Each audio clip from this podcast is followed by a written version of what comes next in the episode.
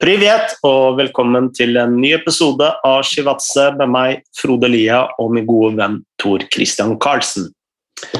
I dag har vi planer om å snakke litt om Eliteserien. Vi har planer om å snakke litt om Brann. Og vi har planer om å snakke litt om eh, overganger og eh, økonomi. Og eh, kanskje, hvis vi rekker det, snakke litt om ja, altså mentale problemer, mentale utfordringer og hele den saken med Naomi Osaka og French Open. Men uh, som alltid når jeg og Christian setter i gang, så er det sjelden vi klarer å forholde oss til en plan, eh, TK. Ja, det er vel noe av det vi uh, bestemte oss for da vi starta med Chivatsa, at vi skulle bare kjøre vårt løp, og at det er en samtale som vi like godt kunne hatt uten mikrofon, altså med disse begrensninger, sånn at vi ikke havner i, i, i altfor mye problemer. Men det er jo det er jo noe av skjermen, og så får jo folk eh, lytte eller skru av. da. Noen hører nå på, virker det sånn. Ja, for Planen var at uh, vi skulle uh, prøve å gjenskape en av våre kafédates. Ja, eh, det får vi til nå. For nå står jeg akkurat og lager meg en kopp te matcha. Altså matcha her. Mm. Og du vet, du vet den nøysommelige prosessen som uh, går da? Med visper og, og krukker og det ene og det andre. Du har sett den kitten min, har du ikke det? Jeg har sett den kitten din. Og jeg er faktisk på leting etter det selv. Men eh, en ting som overraska meg, er at du ikke gikk mer for en sånn søramerikansk eh, løsning med maté-te eller uh, noe i den duren. Ja, det er blitt altfor alt for klisjé, da. Uh, og det er jo faktisk noen helse uh, som man får fra matcha, den japanske teen kontra maté fra Uruguay eller Argentina. Jeg har jo drukket maté òg, men jeg, jeg, tror ikke den er så veldig sunn. Også. Altså. Eh, det er jo noen antioksidanter kanskje der og noe sånt, og noe uh, hydrantiske verdier, men matcha skal jo beviselig være noe av det sunneste man kan få drukket. Nå. Ja, jeg holder nå på med det. Nå er jeg snart ferdig her, så nå kommer det ikke mer ulyder. Eh, vi har jo fått eh, veldig mange spørsmål den denne gangen. og Jeg tenker vi starter med Rosenborg, for det er alltid greit å starte med en, en kritisk post på en måte. Fordi vi har fått et spørsmål fra Aksel Gravir Rømen. Og han skriver at Frode, altså jeg, var veldig usikker på Rosenborg før sesongen. Og eh, han spør om hvordan syns dere Rosenborg og resten av Eliteserien har vært? Og eh, kan jo ikke si noe annet enn at eh, Rosenborg har vært veldig imponerende. Uh, ja Jeg vil jo ikke kanskje si veldig imponerende, men jeg vil jo si at det er bedre enn på lang tid. Mm. At, men det har jo vært, bortsett fra den 5-0 der mot Viking Var det, var det åpningskampen? Nei, det var åpningskampen på Lerkendal.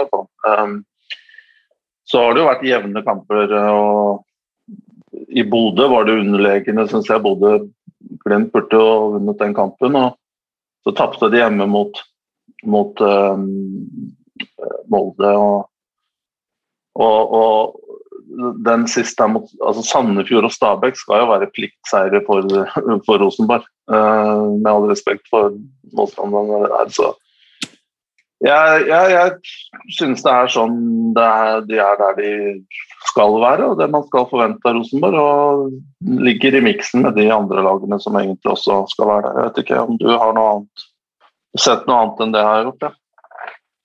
Nei, altså, eh, jeg var jo altså, Min kritikk av Rosenborg var at eh, jeg ikke så hvor målene skulle komme, komme fra.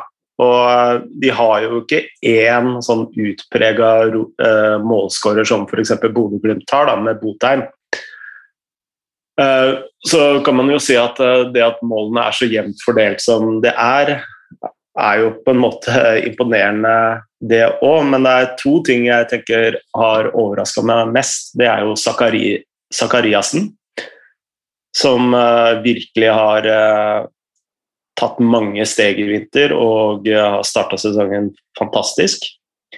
Og så er det en ting som Andrea Loberto snakka mye om i, i, siste episode av Fotballrevyen på fotball-TV, og det er Åge Hareides eh, evne til å Altså det å lage gode kampplaner. Det syns jeg var veldig interessant. At uh, han uh, gjør mye detaljer inn mot enkeltkamper som, som ofte fungerer, og gjør justeringer underveis. Og I kampen mot Bodø-Glimt det var vel et eksempel på det, hvor han justerte en del ting i, i pausen som uh, som gjorde at vi kom enda mer inn i, inn i kampen. Eh, men eh, på, på, samme måte så er det jo ikke det noe altså Man forventer jo ikke noe mindre av en uh, trener som Åge Hareide. Nei, det er jo et poeng. Og det er jo en grunn til at man henta Åge Hareide og ikke en som ikke har den CV-en.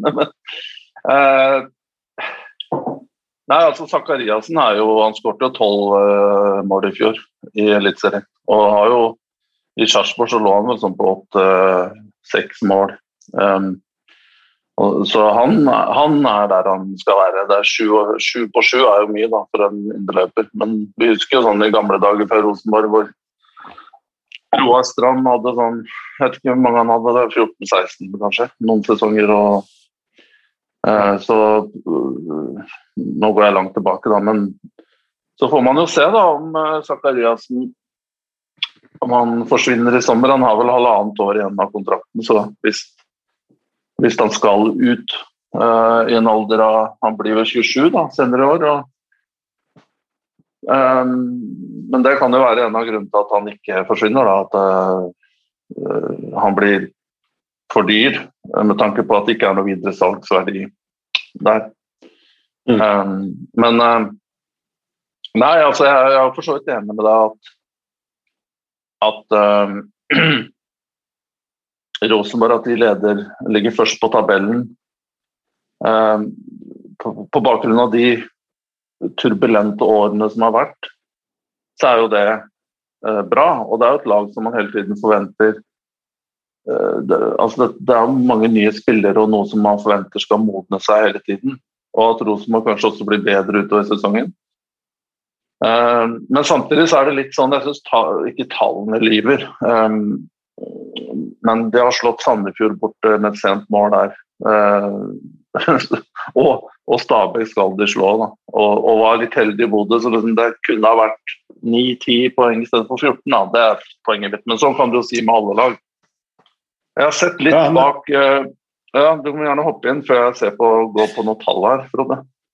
Ja, nei, jeg bare legger til at uh, Molde skulle jo hatt en seier mot Mjøndalen i tillegg òg. Så altså, hvis uh, dommerstanden hadde gjort jobben sin, eller det hadde vært mål, målteknologi på plass, så hadde jo Molde faktisk ledet tabellen. Ja, og hvis Molde hadde vært litt mer disiplinerte der oppe på Lerkendal, så hadde de leda ganske klart. Um, men jeg har bare sett bitte litt på tall. da. Uh, og Det som er interessant, er jo at uh, Rosenborg er veldig effektive. uh, og de har uh, eh, 40 uttelling nå på målsjansene. Mm. altså på store sjanser, da. Og det er da mot Og Vålerenga på sin side har 31 så det er klart. Det er Og de de, de har også seks skudd på mål per eh, kamp, kontra Bodø-Glimt som har 4,5. Så det det er uh, Rosenborg har vært effektive. Men av topplagene så er det jo så er det jo faktisk Molde som har minst possession. Det er kanskje litt overraskende med 40, 46 og Vålerenga mest, med, med 63, faktisk. Mm. Uh, og Vålerenga er det laget som press, er best på høy press, da, med 63 uh, 62 og, og Molde er nede på 38.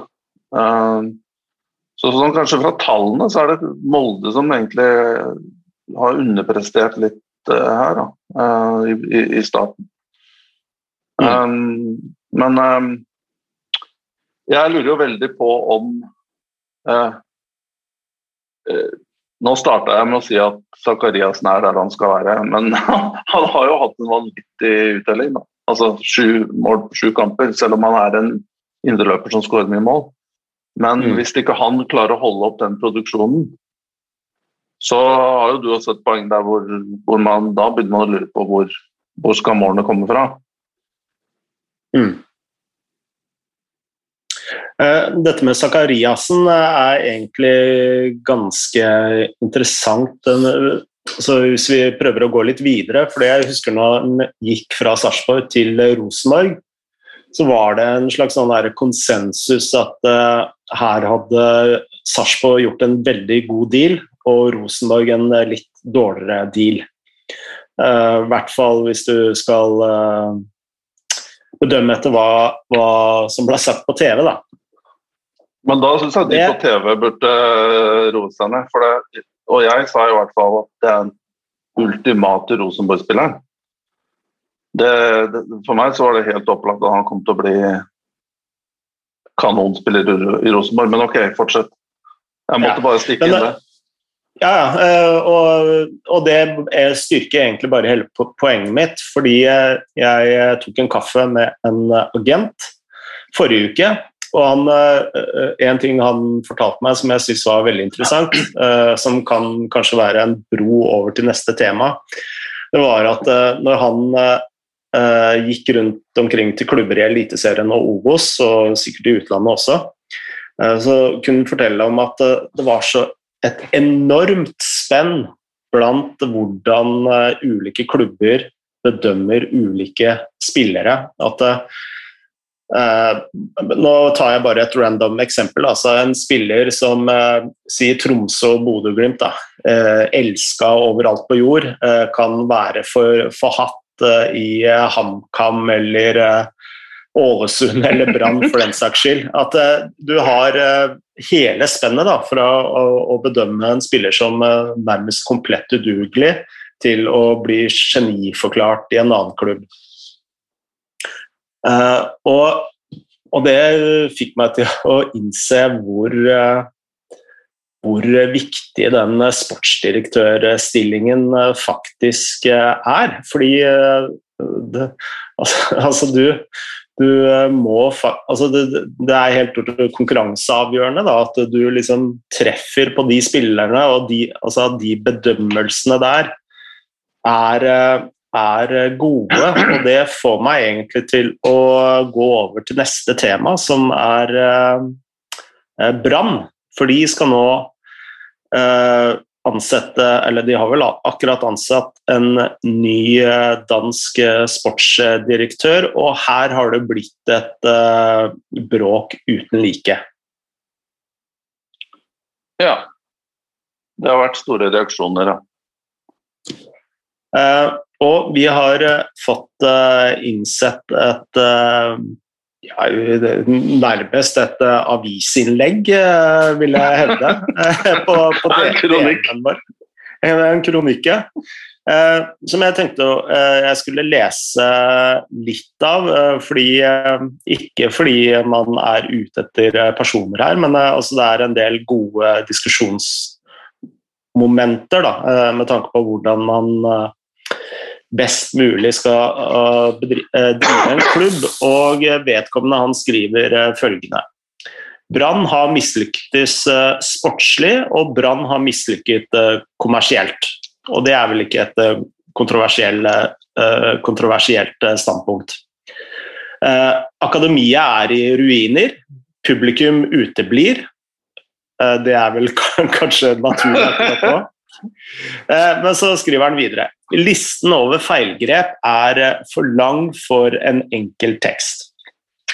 Uh, han skriver at daglig leder har eh, gjort et særdeles lurt grep i sin tid som daglig leder i sportsklubben Brann gjennom godt uh, samfunnsarbeid, gjennom en tydelig støtte i kampen for homofiles rettigheter, kampen mot rasisme og ved å ta ord for boikott i VM i Qatar, har eh, daglig leder skaffet seg veldig mye goodwill. I en konservativ og reaksjonær industri har Brann markert seg tydelig og positivt med, uangrip, med uangripelige standpunkter i viktige saker. Men Branns kjernevirksomhet er toppfotball. Det er premisset. Branns øverste administrative leder har gjentatte ganger vist seg uskikket til vervet hun innehar, da kan en konkludere med at hun enten er beskyttet av et styre som er opptatt av å sikre egne posisjoner, eller at styret heller ikke har den kompetansen som kreves for å sikre god drift av klubben. Det, det bør bekymre alle som er glad i Brann. Og dette får stå for hans eh, regning, men eh, han ramser da opp eh, seks eh, årsaker til akkurat dette her. Eh, punkt én nepotisme. Ansette mennesker fra egen omgangskrets i kommersielle stillinger. Eh, behandlingen av Lars Arne Nilsen, eller fraværet av behandling, kan man også uh, beskrive det som. Han skriver de fleste som forstår dynamikken i en fotballklubb eller en prestasjonsgruppe, så det som usannsynlig at Nilsen ville snu de dårlige resultatene. Det største problemet i denne saken var likevel at klubbens styre og ledelse plutselig skulle definere hvordan Nilsen skulle utføre jobben sin. En mann uten tillit i spillergruppen ble vingeklippet av ledere uten kompetanse. Beslutningene har sannsynligvis kostet Brann dyrt. Uh, og her kan man jo diskutere at eh, altså Man står, står, vel egentlig overfor to valg. at uh, Enten bør man jo kanskje styrke trenerens posisjon, eller så må man jo fjerne eh, sier han vel eh, implisitt. Videre så kritiserer han ansettelsen av Kåre Ingebrigtsen, som fremstår som et skudd i blinde. Ikke på noe tidspunkt har det fremstått som om Brann har en strategi som er forent med Ingebrigtsens metoder og meritter. Var han det eneste navnet beslutningstakerne kjente til? Er det trolig at han uh, blir værende ut kontraktstiden? Spørsmålstegn. Videre, til punkt nummer fire, så skriver han uh, og her skriver han om behandlingen av Robert Hauge, altså tidligere assistenttrener i klubben. Behandlingen av Robert Hauge er en fortelling om elendig personhåndtering, unnfallenhet, feighet og manglende ledelse. At det endte med at Brann betalte Hauge et ukjent beløp, nærmest et forlik, forteller mer enn klubbens offisielle uttalelser. Igjen koster dårlig ledelse dyrt. Rune Soltvedt, det grelleste eksempelet frem til nå, er hele saken rundt ham. Soltvedt Soltvedt, som fremstår som en kjernekar med stor integritet, maktet aldri å formulere eller kommunisere en sportslig strategi. Han kjøpte dyrt og solgte billig, og understreket ved flere anledninger sin manglende kompetanse til å utføre en sportslig leders oppgave. De røde lampene burde kanskje lyse, burde kanskje lyse frenetisk allerede her. Ikke før timingen var på sitt dårligste, midt i et overgangsvindu, tok daglig leder affære. Soltvedts exit, exit, som isolert sett eh, kom mange år for sent, men når det først skjedde, fremsto, fremsto han som den eneste personen med ryggrad måtte falle på sverdet. Uttrykket 'redde sin egen ræv' murrer i bakhodet. Hva har dette kostet Brann? Og så til siste poeng. Jimmy Nagel Jacobsen eh, møter en kollektiv hoderisting blant de som kjenner mannens CV. Jakten på ny sportssjef har vært en farse. Hvis Jimmy Nagel Jacobsen er svaret, kan man lure på hva som er spørsmålet.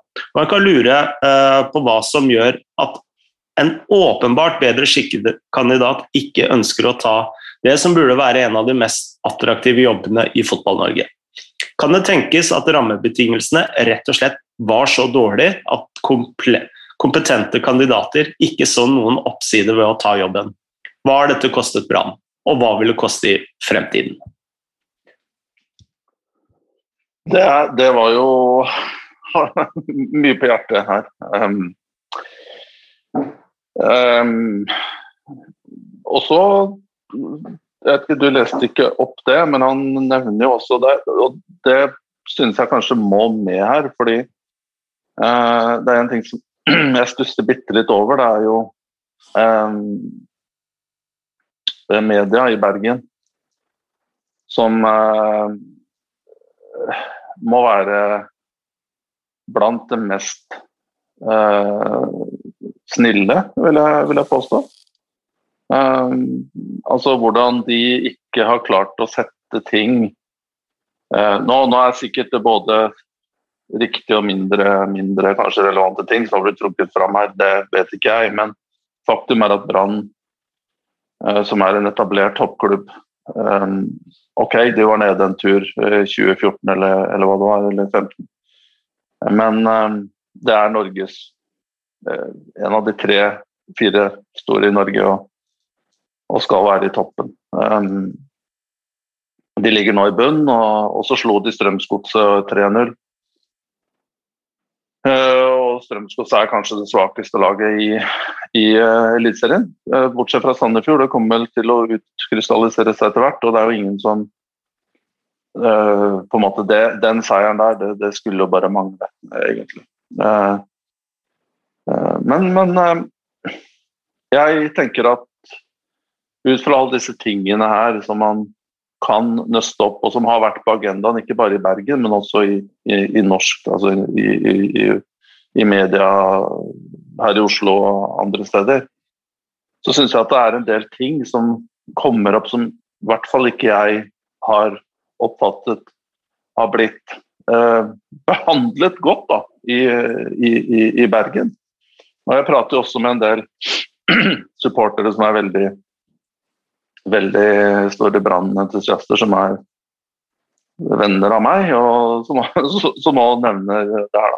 Da. Ehm, så det er jo um, Så jeg kan jo forstå at andre supportere her ender opp med å brenne inne med ting fordi de føler at ikke dette her blir tatt opp på en, på en ordentlig måte. Og det er jo en av tingene da, som er både nyttig, men også ubehagelig når du er fotballeder, det er jo at media på godt og vondt eh, blir en slags eh, Et element der som eh, Ja, det er moro å få ros hvis det går bra og, og sånn, men når det går dårlig, så må du også tåle at og akseptere at kanskje mye av det, noe av det som kommer, er, er riktig. Da. Eh, og at du må selv om veldig mye av det er støy, så er det noe der som gjør at som du kan bruke til kanskje å korrigere og, og, og, og ta en ny runde med, med deg selv.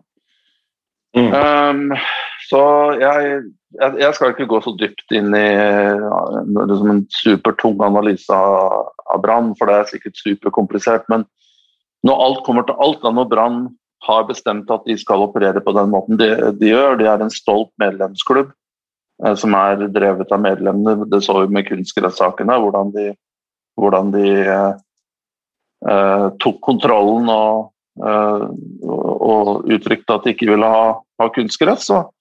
Det syns jeg for så vidt er fair enough.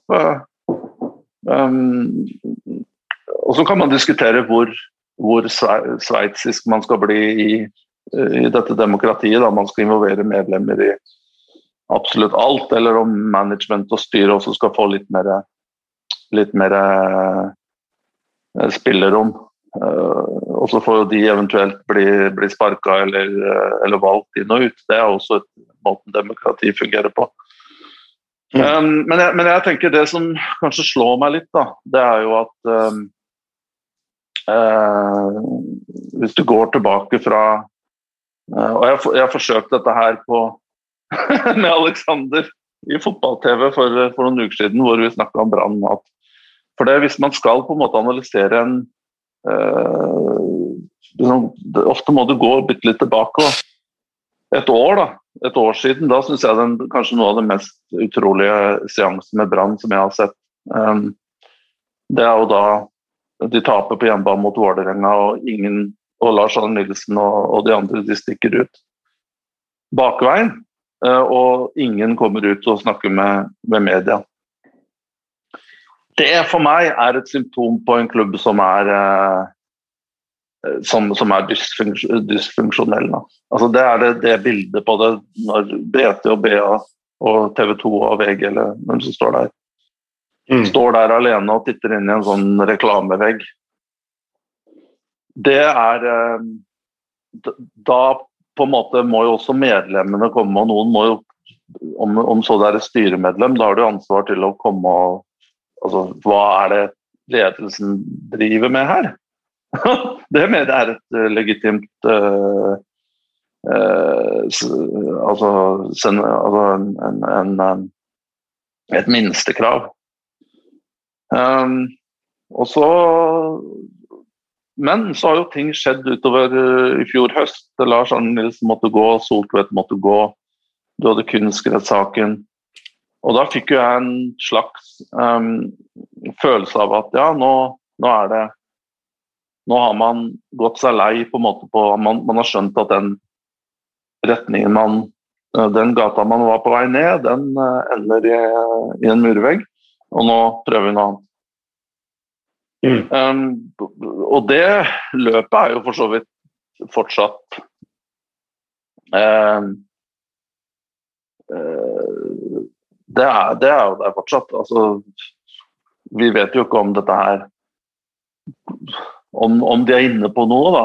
De har ansatt Kåre Ingebrigtsen og Horneland som assistent, som igjen for meg fremstår som en veldig Jeg syns begge har sine positive sider, absolutt, men de to sammen med den historikken og måten de presumptivt har tenkt fotball på, at de er et slags dream team da blir lagt fram sånn, det skjønner jeg ingenting av.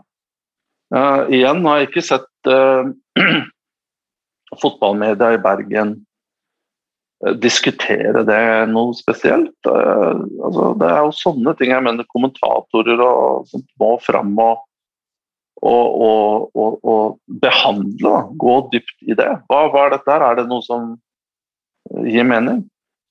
Uh, og, og, så Men så liksom blir det jeg, Min mistanke da, er at dette kommer bare til å bli enda mer komplisert, for nå kommer det en dansk sportssjef. Han har selvsagt sett kampene denne sesongen, han har sett kampene sannsynligvis fra i fjor.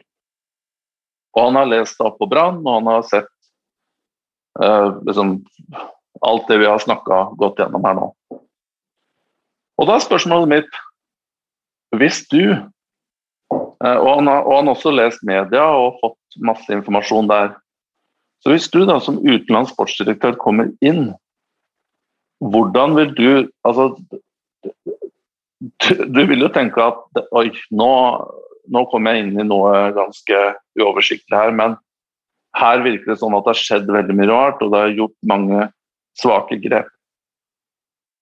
Eh, og han vil jo ikke komme inn med, altså med, med, den informasjonen han har skaffet seg. Så vil jo ikke han komme inn med 100% tillit til trenerteamet. Det, det, er ikke naturlig, uansett som jeg sier Horneland og, og Ingebrigtsen må ha meg unnskyldt. Og de er, litt sånn, de er også litt ofre for klubben her. fordi de, kanskje ikke Ingebrigtsen I mine øyne passa ikke Ingebrigtsen inn i den klubben fra day one. Det var ikke, en, det, det var ikke en, en, en, riktig ansettelse. Kommer aldri til å være det i mine øyne. Og at Horneland kommer inn etterpå, er også det, det er absurd. Um, de kunne vært gode trenere i andre norske klubber. Kanskje Ingebrigtsen tilbake i Viking eller i uh, Horneland i Jeg burde heller kanskje fått den jobben som uh, Lars Arne Nilsen fikk i, i Ålesund. Altså. Men at de på det tidspunktet kommer sammen til Brann, det er så absurd. og og, og, og det, det, passer ikke. Og dette er jo tanker som en sportsdirektør må gjøre seg. Så er det jo klart at når du kommer et sted, så tenker du ja, vi bør gi dette her en sjanse. Men underbevisst, eller altså Du prøver jo å tenke logisk og, og resonnerer. Eh, og det jeg skal fram til, det er at det, jeg tror ikke en utenlandsk sportsdirektør vil komme inn et sted Eh, slik status quo er nå i Brann, og tenke at dette her må jeg stille meg bak 100% Fordi det, det, det, hadde vært noe annet om klubben lå på fjerde-femteplass og, og spilte veldig god fotball. Ok, nå spilte vi godt mot Strømsgodset, men la oss forholde oss til tabellen. Uh, og det var masse spennende spillere der. og liksom, Det var en organisasjon som har fungert over lengre tid. Så er det klart, da prøver du å um, ikke riste i den der eplevogna altfor mye. Du bare holder deg unna og observerer og, og starter å jobbe.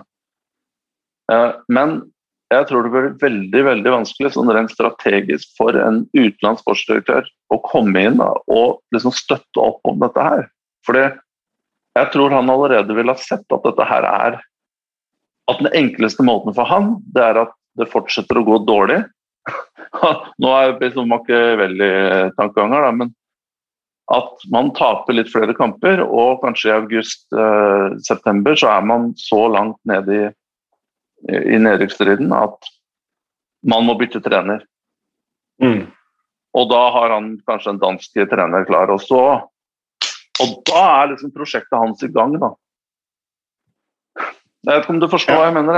At det, det, det, altså Timingen her og, og, og, profilen som kommer inn, altså alt taler for at dette her bare kommer til å forsterke og, og jeg tenker også for Kåre Ingebrigtsen sitt del, så er det klart at han vil jo aldri gjøre noe annet nå, selv om han er sikkert vanvittig uh, sterk mentalt og en fyr med integritet. Jeg har ikke noe Ingen grunn til å mistenke noe annet. Men jeg tror det er menneskelig å tenke når det ikke går så veldig bra, og det kommer inn en ny person, at vedkommende vil At den som kommer inn, har kanskje noen andre planer da, enn deg. Det, sånn er, har det vært siden tidenes ja. Ja, altså det, det, du egentlig beskriver, er litt av det samme som uh, kronikkforfatteren her. Da. Altså det er en dysfunksjonell ledelse. Uh, og det, Et av de punktene han beskriver, er jo behandlingen av Robert eh, Hauge. Eh, som ifølge mediene ble innkalt eh, av treneren, altså Kåre Ingebrigtsen, til et møte uten han visste om hva møtet gjaldt, og fikk på det møtet regelrett sparken. Og det er jo et Det er jo ikke sånn en sånn prosess skal fungere. Og det er jo igjen eh, et uttrykk for at eh, Brann har en dysfunksjonell eh, ledelse. Så det er nok et eksempel på det, akkurat det du sier. Men en annen ting som du også nevner, det er jo det at ansettelsen av Kåre Ingebrigtsen og Hornland kanskje ikke passer til Brann. Og her eh, har jeg et eh, poeng med eh, når det kommer til Jimmy Nagel Jacobsen. Fordi jeg må ærlig innrømme at jeg kjente ikke til han overhodet, egentlig. Så jeg har drevet og lest meg litt opp på han i, fra danske medier. Og én ting som går igjen og igjen etter kommentar etter kommentar jeg har lest, det er Eh, hvordan han blir beskrevet som både konfliktsky og uh, jyske vestkysten. Uh, beskriver bl.a. i en kommentar en mann som gjemmer seg når det blir kritikk.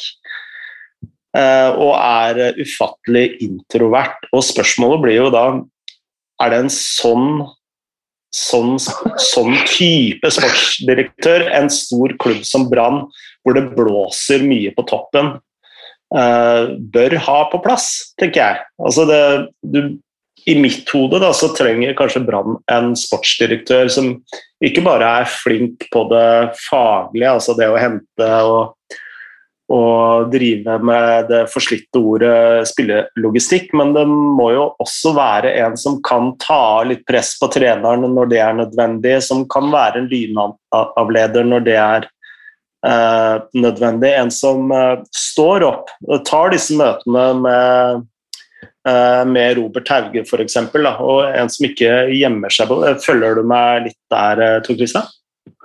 Ja, ja, absolutt. Og jeg um, uh, nå, nå, vil jeg være litt sånn forsiktig med de karakteristikkene her som, som, du har tatt med deg fra dansk media, men Um, så det får jo stå for disse mediene sin, uh, sitt ansvar. Men jeg, jeg, kjenner ikke Nagel og, um, og har ikke således noen uh, grunn til å kunne komme noen vurdering av han. Men jeg lurer litt på hva Jeg er enig i det du sier her, at dette er jo også uh, jeg føler at det had, at, at Jimmy Nagel Jacobsen eh, kunne altså sånn Profilen hans trenger ikke å være det ene eller andre. Ja, ok, Han har jobbet som eiendomsmegler. og Hvordan det passer med introvert, det, det er jeg for øvrig litt uh, usikker på.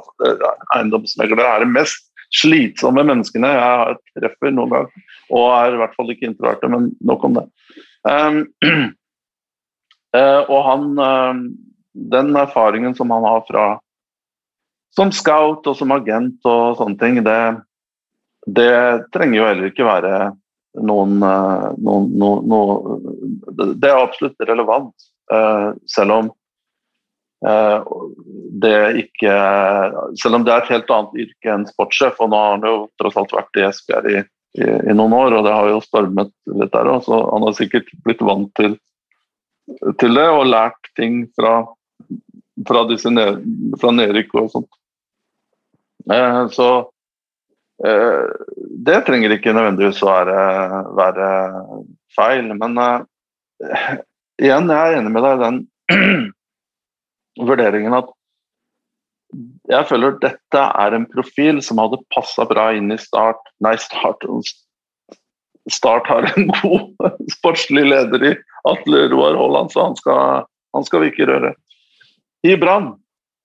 Eh, når det går, hadde det gått bra, hadde de ligget på fjerde-femteplass, så hadde man kanskje kommet fram til en slags idé om at ja, men for at vi skal komme oss et steg videre nå, så må vi bli bedre på disse tingene. Vi må bli bedre på talenter her i, i Hordaland, eh, Vestland eller hva det heter nå. Um, vi må bli bedre på Eh, på scouting, vi må bli bedre på, på kjøp og salg av spillere. Nå, nå unngikk jeg freidig det forslitte, fæle uttrykket. Eh, da hadde jeg tenkt at ok, ja, smart. Her får du inn en ekspert, en fyr som har gode kontakter rundt omkring. Eh, litt påvirkning utenfra er sikkert bra. En som ser klubben med nye øyne. Eh, kan sikkert hjelpe trenerteamet og, uh, og de som Altså komme nye impulser til de som jobber i, i avdelingssport, som, uh, som uh, Vibeke Johannessen kalte det. Det tror jeg kunne vært en liksom, Det hadde gitt mening, men her er det så veldig mange ting å rydde opp i. Og da tenker jeg det der med å begynne å tenke på at man skal skape en ny forretning gjennom kjøp og salg av spillere. For det tenker jeg hovedpitchen til Jimmy Nagel Jacobsen må vel ha vært noe sånt, i og med at det blir så lagt så veldig stor vekt på at han har vært scout i Fittes Arnem, og han har vært agent, og han har store nettverk uh, rundt omkring, og han, han har vært også kjøpt og solgt noen, noen spillere med, med, med profitt i Esbjerg. Så jeg vil jo tro at det var et veldig viktig element av eh, pitchen hans. Mm. Det er jo det minste eh, problemet. Altså det, det, kan jo ikke Brann Ja, jeg forstår at de også sliter økonomisk. Det gjør absolutt alle klubber i Norge, bortsett fra de som har vært i Europa og klart å selge noen spillere. Det er ingen som visste at den pandemien kom. eh, og ingen som på en måte har satt av 40 millioner på en konto for at det kan komme en pandemi.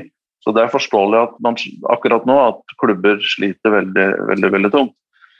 Men nå, akkurat som du sier, i en klubb der ledere ikke står frem, og det virker som at ingen har lyst til å være i Brann Nå har han um, styreformannen kommet de siste ti dagene og uttalt seg litt om Kåre Ingebrigtsen og kanskje og, det er fint at han har en presence. Det, det, sånn må det, må det, være når ingen andre har det.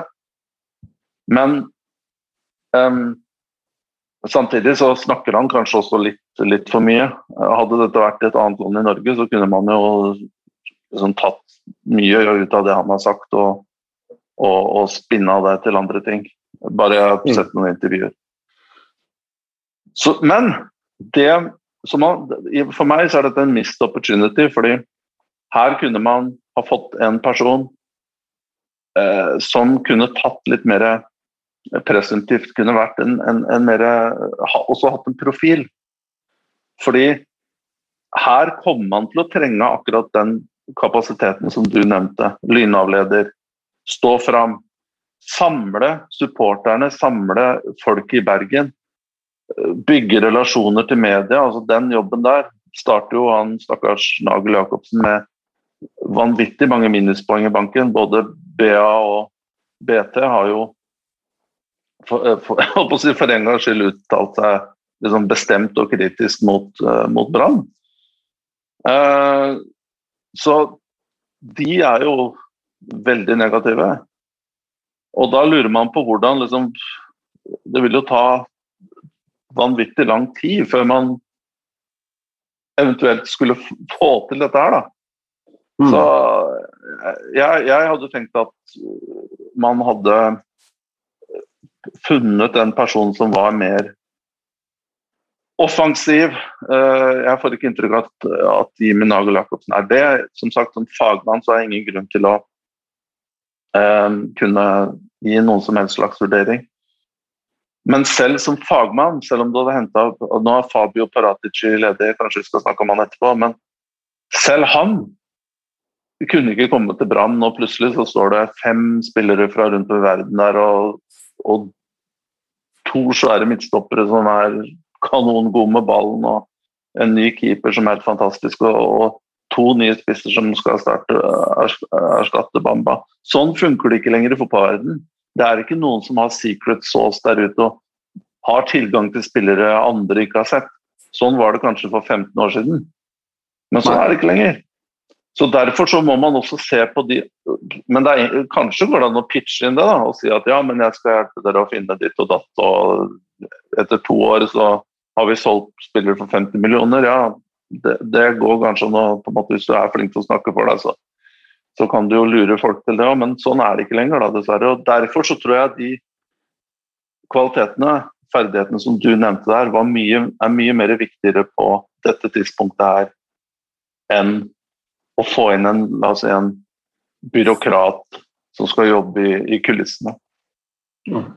Jeg bare se på en klubb som Vålerenga. Altså, eh, nå er jeg ikke Fagermo en sportsdirektør, da, men uh, Altså, han er jo veldig tror, klar. Han tror han er det. han, tror, han, tror det er det. og, og han, han, er jo det, det faktum. Altså, hvis du ser ut fra det han sier i media og hvordan han på en måte opptrer, og, og han tar den plassen han vil ta. han. Ja, og han har klart å samle uh, supportere, klubb og, og eier, ikke minst. Og, ja. og kjører, kjører uh, i samme båt, i samme retning. Og, det altså, er et veldig, veldig godt, uh, godt, eksempel, for det, det, klarte de ikke før Fagermo kom. Og så har jeg vært litt frampå og kritisert at ja, Fagermo på en måte, han er, burde vært litt mer teamwork, at han uttaler seg om ting som kanskje en sportsled, sportsleder burde uttale seg om. Men samtidig som du sier, da, han gjør jo jobben for tre stykker og på en måte har tatt all den plassen de har trengt. Mm. Men, men, eh, for å avslutte litt eh, denne bolken her. Eh, er det noen andre lag eller andre ting i Eliteserien du har blitt imponert eller mindre imponert av? Um, nei, jeg egentlig kanskje litt sånn svingninger på lag som du hadde forventa Viking, da, eksempel, som man hadde forventa skulle kanskje være litt høyere, og hvordan de går fra Ja, hvordan det svinger så voldsomt der. Um, mm. Så de, det, der må de nok få stabilisert dette laget, så ikke de også blir dratt, ned, dratt inn i nedrykkskamp. Um, men ellers så syns jeg det er litt sånn forventa. Kristiansund imponerer meg da, uten Pellegrino. At de klarer å, å vinne tighte kamper igjen. Og, ja, jeg skulle, seg ja. fast, ja. Nei, Jeg skulle akkurat si det samme. Kristiansund har imponert meg veldig. og Når vi snakka litt om kampplaner og sånt, så er jo det noe Christian Michelsen virkelig har uh, gjort det bra med. Altså, jeg så Vålerenga mot uh, Kristiansund bl.a. og hvordan de bare nøytraliserte hele Vålerenga. Som jeg uh, syns uh, var veldig, veldig bra. I tillegg så syns jeg jo Mjøndalen har uh, forbedra seg veldig i år kontra i fjor. Uh, og ser jo veldig sånn organisatorisk sterke. Ja, jeg har ikke sett Mjøndalen i det hele tatt, uh, faktisk. Men jeg bare Det slo meg her om dagen at jeg syns det er rart at Vegard Hansen ikke får mer mer kreditt rundt omkring. Og at han Ok, han blir kanskje sett på som litt sånn uh, sier på tysk til laune'-trener. Altså man manager. Altså, at det mer, går mer på motivasjon og sånne ting. Mm. Men, eh, du, men han har dyktige folk rundt seg sikkert. Men det er jo imponerende at de år på år liksom viser den type utholdenhet og stamina og igjen er, er, vanskelig å slå. De, de, de mister jo spillere hele tiden. Også. Ja, altså det er et eh, Sånn som de fremstår nå, så, så fremstår de som et veldig godt organisert lag. Som, og det skal vel uh, tilskrives både Vegard Hansen og resten av trenerteamet, tenker jeg. Men det, er, det har vel litt med hvordan fremtoning du har i media og på sosiale medier. At du liksom ta, er, byr litt på deg selv, da. Uh, og jeg, og jeg syns jo det er helt fantastisk. At uh, det skaper jo mer blest, og det er gøyere å følge med enn om alle skal uh, svare, svare med enkeltbokstaver. Så, men det gjør jo også at man kanskje altså, ser på, på som f.eks. Vegard da, på en helt annen måte. Ja, Hvis det gir mening? Ja, ja, ja ja. absolutt. Um, det jeg syns er litt ironisk her, da, eller jeg, jeg tenker på en side at ja, du, Vegard Hansen kan jo gjøre de tingene han gjør. Være, han kan være så åpen og by såpass mye på seg selv. Litt også fordi han er i, i, i akkurat den klubben. Uh, og de har, Det er på en måte deres greie at de er litt outsider og de, de, de tar seg en øl etter kampen og pizza og sånn. Um, mm. Det en, men dette er en liten, uh, liten klubb i det som en gang var Buskerud. og det er De har noen ekstremt og det er gode tradisjoner, og ekstremt, noen er ekstremt passionate supportere. Men i det store og det hele da, så er ikke det en klubb som på en måte uh, det, er, det, er, ikke enden på noen ting hvis de rykker ned. eller Det er, liksom, det er helt andre dynamikker der. så uh, jeg tenker det, er, det, koster mye mer da, å ta den rollen der i en større klubb. da, da, har du et mye mer, uh, større ansvar, der presset er mye større. De tingene du sier og gjør, kan få større konsekvenser og kan bli, bli analysert. og Eh, og sånne ting. I Mjøndalen så kommer du litt unna med den type greier, fordi er de, de få som bryr seg, da, med all respekt, har veldig veldig stor respekt for, for Mjøndalen, men de få som bryr seg, de elsker det. ikke sant? Det er deres greie, og det er litt av samme mentaliteten selv.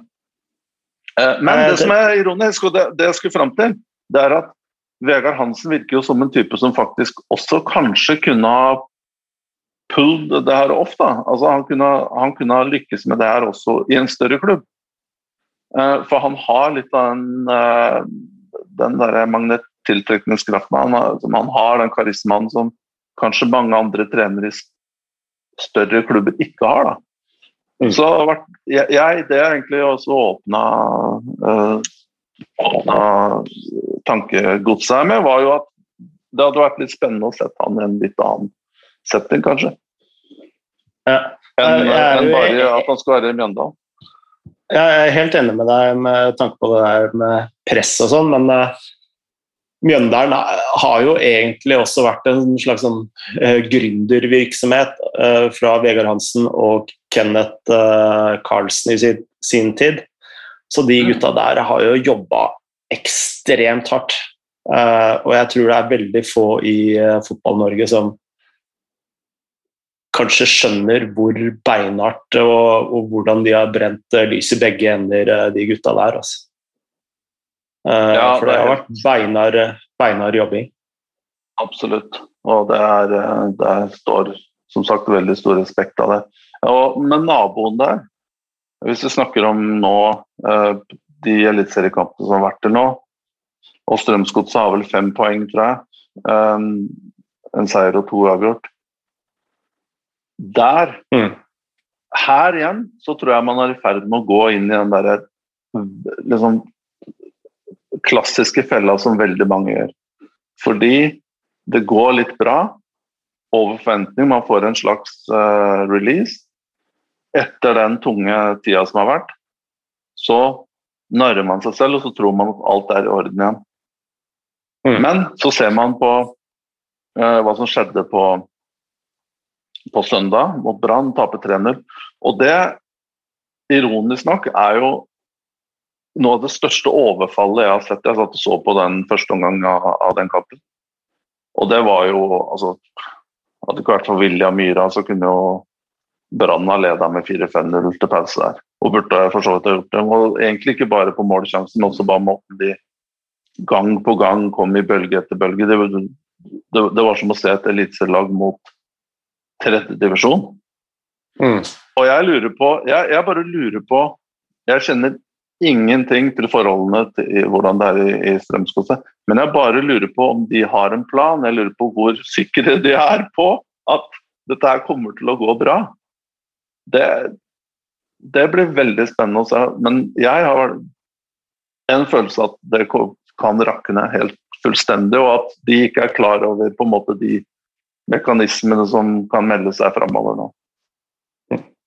Eh, Jeg tror vi må ta case Strømsgods eh, en eh, annen, gang, fordi vi har mer ting på lista vår. Og La oss gå litt videre til internasjonal fotball. og Vi har fått et spørsmål fra Kenneth Laumb og et fra Knut Erik på Twitter.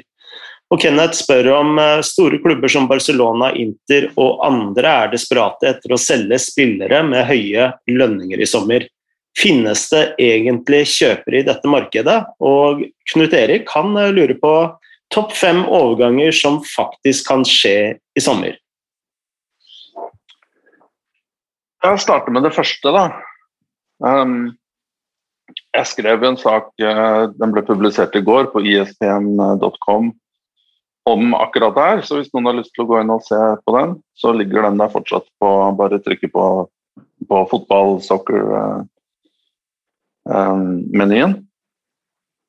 Og eh, der går jeg gjennom på en måte alt det eh, de spør om her. Men eh, det er knalltøft um, å, å, å omsette spillere.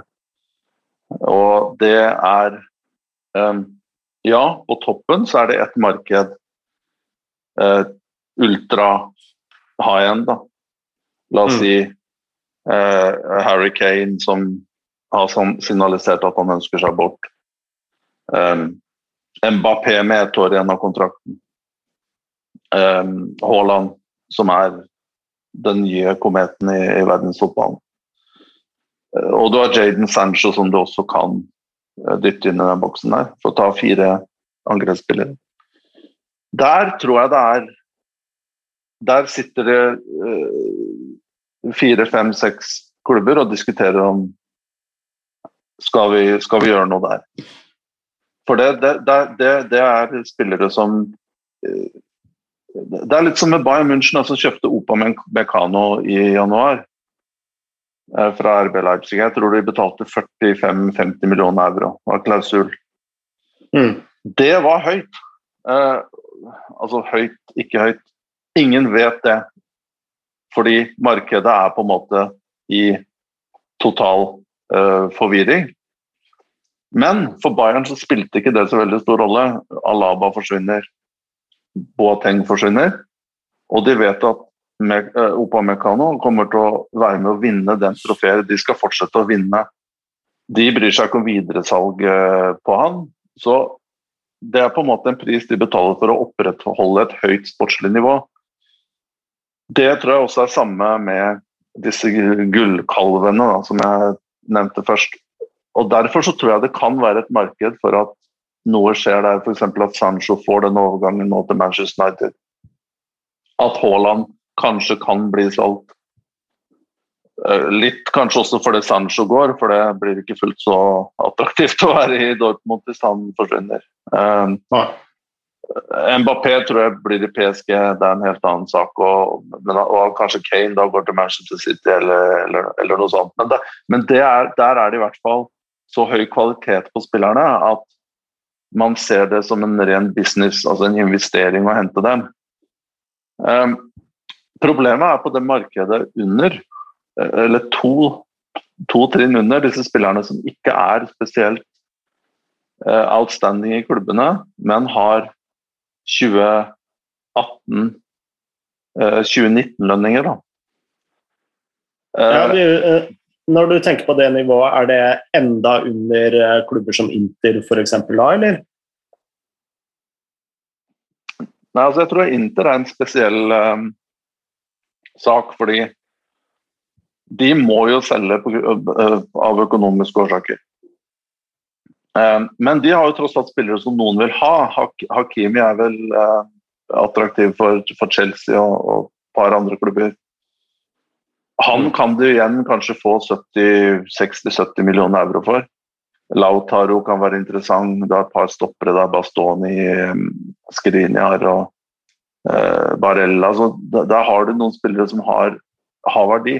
Men det er klart, de spillerne ønsker jo Det er jo ikke de Inter vil selge først.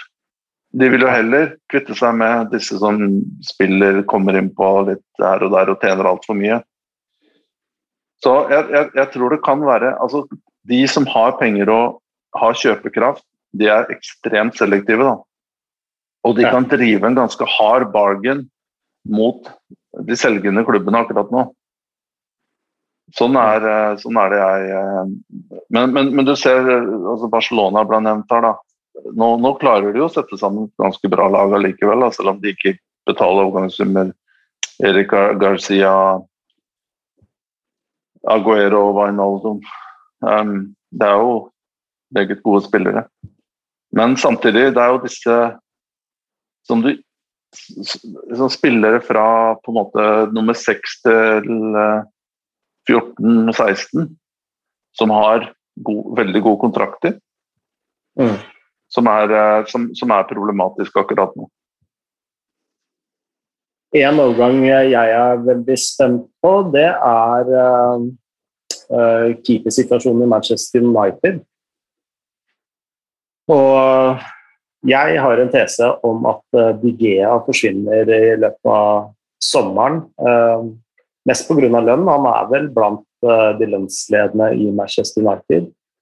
Og de trenger å gjøre plass for uh, ja, Sancho eller Kane, kanskje. Uh, så det er vel én ting. Og så er det Cristiano Ronaldo som uh, da har begynt å svire masse rykter rundt uh, til PSG eller Manchester United. Hva tenker du om den karusellen der? Nei, jeg, jeg, tenker jo at Manchester United ønsker vel sikkert å, å, å, å finne en løsning med De Gea, fordi han plutselig eh, ikke, altså siste sesongene har han jo ikke vært eh, på det nivået, nivået, han var tidligere. Men så er spørsmålet hvis han har de x antall hundre tusen pund i uka som media forteller om, så, og prestere på det nivået han gjør nå Han er jo ikke førstekeeper til Spania engang lenger. Så er jo spørsmålet hvem står klare til å ta han, da. Og Så, og PSG de har jo de har ikke landa Donnarumma, de kunne tatt han. Donnarumma er fortsatt på markedet som bossmann, selv om det også kommer med masse utgifter, selvsagt. Penger skal hit og dit. Men øh, jeg har bare vanskelig for å se hvordan øh, Hvis ikke De Gea på en måte trapper ned om Førstestein og tar en skikkelig hit på, på, lønn, så er det jo vanskelig igjen å, å bli kvitt han. Han, han. han, er jo egentlig et eksempel på, på de som uh, er problematiske sånn rent uh, å, få, å, få, plassert nå. Men uh, Cristiano, ja, vi får se hva Allegri tenker. Um, det er jo nå, nå, nå har det jo storma skikkelig i, i, Juventus. Vi kan jo komme tilbake til det. Um, og hvem vet om det faktum at Pirlo satte Cristiano på benken der i siste kampen, om det hva det utløste av samtaler internt i klubben. Mm. Cristiano Ronaldo er jo ikke en som bare sitter med lua i hånda. Han uh, har meninger og går i han, han, går ikke til team manager og spør kan du booke et møte med treneren. Han går rett til Anjeli, han. så, um, så, han vil nok ha bedt om ganske klare klarifikasjoner på hva, hvor landet ligger, og hva han var i jeg holdt jeg på banne her, skjedde da han ble satt på benken. Han, det der gjorde man ikke uten at det ble en skikkelig opprydning etterpå. Den opprydningen endte også med at Pirlo ikke er der lenger. så det, At det er en sammenheng der, er vel heller ikke mulig.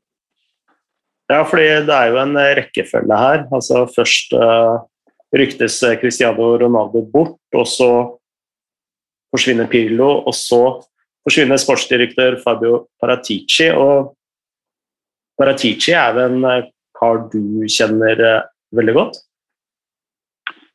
Ja, jeg kjente kjente, ham i hvert fall godt. Sånn en del år tilbake. Uh, I Sam Sampdoria-tiden, eller? Santoria, ja. Han var da sånn Han var jo sammen med Giuseppe Marotta, som var den store sjefen i, både i Santoria og, og, og, Juventus. Han tok med seg Fabio til, til Juventus, og der var det også litt sånn interessant eh, kombo. Da, at Marotta var liksom den store som tok liksom, Det var Marotta som snakka til media, det var Marotta som på en måte var den store ansvarlige for hele, hele Juventus. Og, og, han skapte jo plass da til Fabio til å, til å jobbe litt i kulissene. Um, og, men så var det en eller annen maktkamp der for, som kulminerte da for to år siden at Marotta gikk til Juventus, nei, til Inter. Eller han trakk seg vel først, og så var han ute i fire-fem måneder, og så, så, endte han opp i, Inter. Og, uh, og, og, da tok jo Fabio Paratici en mye mer sentral rolle og ble mye mer profilert, og han ble intervjua både før og etter kampene. Og det, det tror jeg ikke var like behagelig, selv om han Det var nok en posisjon han ønska seg da, å være den store keiseren etter, altså under Anjelli, selvsagt. Men um, jeg er usikker på om det ble sånn som han håpte på. Mm. Men um, jeg, jeg, den erfaringen jeg har med han jeg, Han var veldig hyggelig med meg. Jeg, vi, vi, reiste en del sånn, var på, i Sør-Amerika sånn, sammen litt. Og, og jeg, jeg, skjønte, selv om han egentlig bare hadde en ganske sånn perifer rolle akkurat da, som en, nesten sånn chief scout-aktig, så fikk jeg med en gang et slags inntrykk at han her er han her kommer til å komme seg opp og frem. Han hadde liksom en helt annen mentalitet enn de andre. Mye skarpere. Kunne snakke med folk på et høyere nivå med overbevisning. Eh, så bra ut, liksom skjønte hva som skjedde rundt ham. Så at han mm. uh, fikk den karrieren, da, uh, det overrasker meg ikke i det hele tatt. Og, og, selvsagt også kompetent og dykt, dyktige folk rundt som er lojale til ham. og sånn. Så. Så, nå, spek nå, spekuleres det i pressen at han skal til eh, Tottenham. Ja, det tror jeg er litt sånn Han, han, har, han har, fått tilbud, jeg tror fra Tottenham uh, tidligere. Um, uh, og, men han har også vært i Han har tilbud, eller i hvert fall det har vært i samtale med alle de store Premier League-klubbene, bortsett fra Manchester City eh, og Liverpool, så tror jeg de andre, alle andre har vært på han på et eller annet tidspunkt. Men nå snakker vi de siste ti årene her. Mm. Um, men jeg tror, tror, ikke at han nå på det tidspunktet her altså At han skal gå fra en så stor dominerende rolle han, han, er jo i sin beste alder, han er 48 eller noe sånt. Jeg tror han er et par år eldre enn meg, 48-49. Uh, 47 kanskje. Og at han på det tidspunktet, han er nesten liksom på peaken i karrieren, skal da gå og være en slags uh, uh, Skal vi kalle det te... Ikke tekoker, det er noe annet, men uh, altså at han skal drive og Fly skjørta til Levi? Ja, føye seg etter uh, Danny Levi. Det slår meg ikke som en god, god kombo. Jeg, jeg, tror han vil kreve mye, mye mer makt og, og, ta over en hel organisasjon. Da. Og det er jo ikke Levi beredt til å gjøre. Så det, det er, jeg, jeg, tror ikke det er, kommer til å skje. Men jeg, men jeg tror Fabio på jeg tror, jeg tror, Fabio på et eller annet tidspunkt kommer til å ende opp i, eh, ende opp i en stor klubb igjen. Og så har han sikkert nå, etter det han har vært gjennom de siste årene, også behov for, for noen måneder fri. Så om han blir borte seks, åtte, ni, ti måneder, det tror jeg ikke har noe å si for hans karriere eller CV. En uh, helt, helt uh, annen ting. Uh, vi har fått et spørsmål fra Åsmund om uh, hele denne saken med tennisspilleren Naomi Osaka og French Open, hvor hun hun har vel nå trukket seg fra turneringen fordi hun ikke orka å stille opp på pressekonferanser. Rett og slett altså Det var så utmattende på et sånt psykologisk nivå for henne at hun ville egentlig bare konsentrere seg om, eh, om tennisen. Og her har jo han Åh, Åh, hva heter han eh, karen igjen, da? Han, han, som var så kritisk til Meghan Markle igjen, og som måtte gå fra engelsk frokost-TV. Og Piers Morgan? Piers Morgan, ja. Piers Morgan. For en løk! Han, han har jo ranta på to personer. Det ene er jo Meghan Markle, og så er det jo nå Naomi Osaka. Om uh, ja, Kalt en uh, narsissist og det ene eller ja, det andre. Ja. It, takes, it takes one to know. ja, riktig. Eh, og det var vel etter det hun valgte å trekke seg. Altså, det blei jo for, for tøft. Og Åsmund han, han, spør om tar man nok hensyn til uh, fotballspillere i dette, eller tennisspillere i dette tilfellet, men også fotballspillere, er vel spørsmålet. Og, eller er det pressens feil at uh, dette kun blir en byrde? Her føler jeg du må starte, altså. Dette her tror jeg du har mer, langt mer innsikt enn meg, Frode.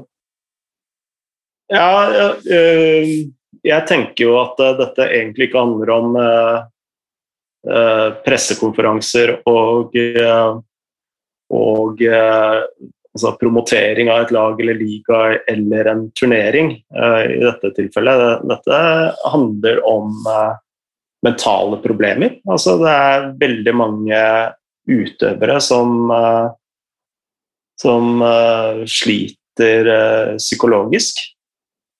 Og at man setter disse utøverne i en situasjon som gjør det enda vanskeligere for dem å utøve sin idrett og yrke. Eh, så svaret på spørsmålet er at man eh, Jeg tror at det er en stor forskjell her på både individuelle idretter og lagidretter, men jeg tror også det er et kjønnsaspekt her.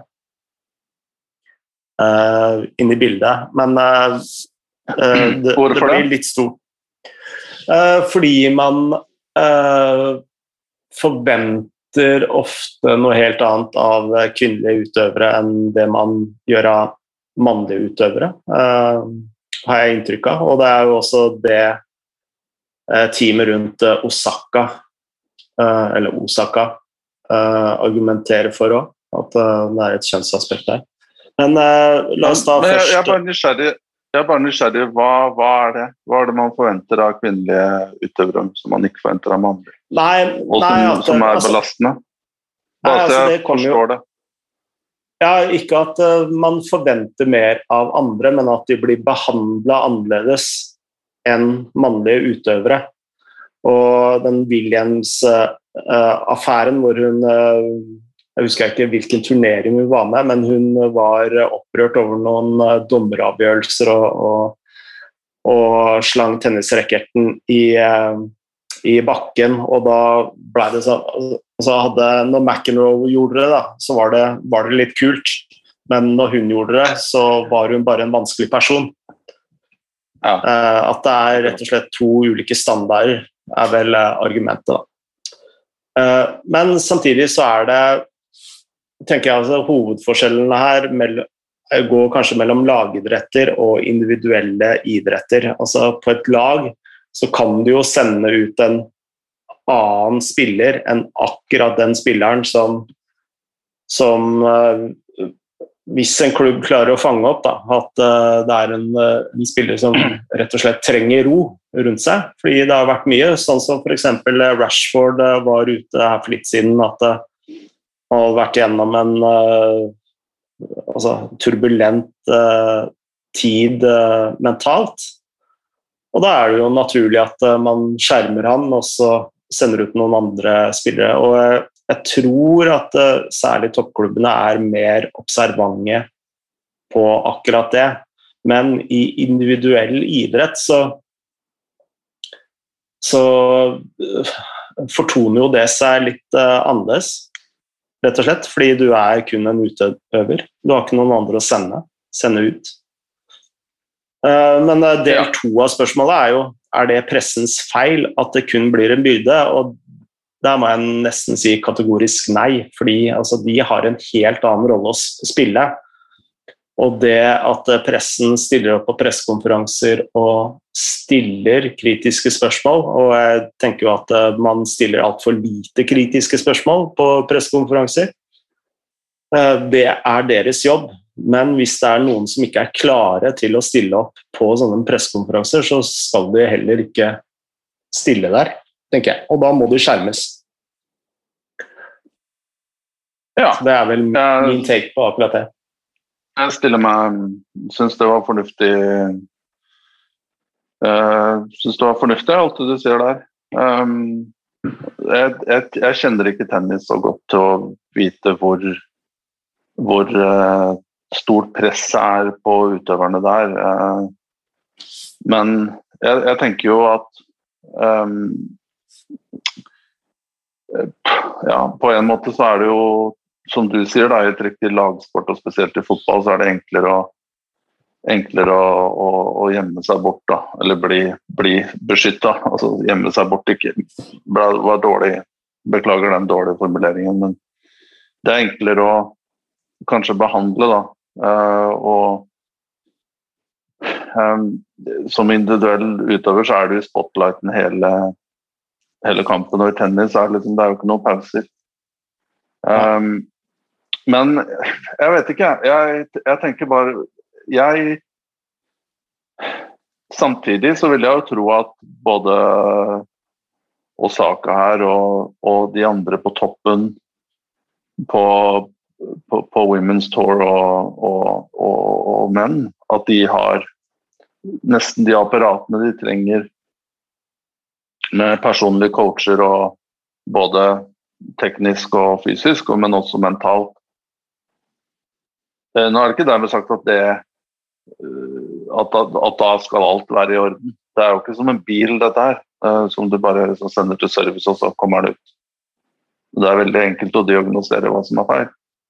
Men Det jeg vil fram til her, er at jeg ser ikke noe, problem, problem i det her hvis hun ikke føler seg mentalt i form og trenger en pause. Og så er det helt 100 jeg, jeg, jeg, skjønner ikke problemet med det, egentlig. Jeg syns det er helt naturlig, at, og at en så høyt uh, presterende idrettsutøver at, uh, at uh, vedkommende får perioder hvor han eller hun ikke føler seg helt um, optimal. Og ja, det går på uh, kostnad av en Grand Slam-turnering. Ja, så, so what, da? Ta deg ferie og kom tilbake når du når du er klar igjen. Liksom. Mm.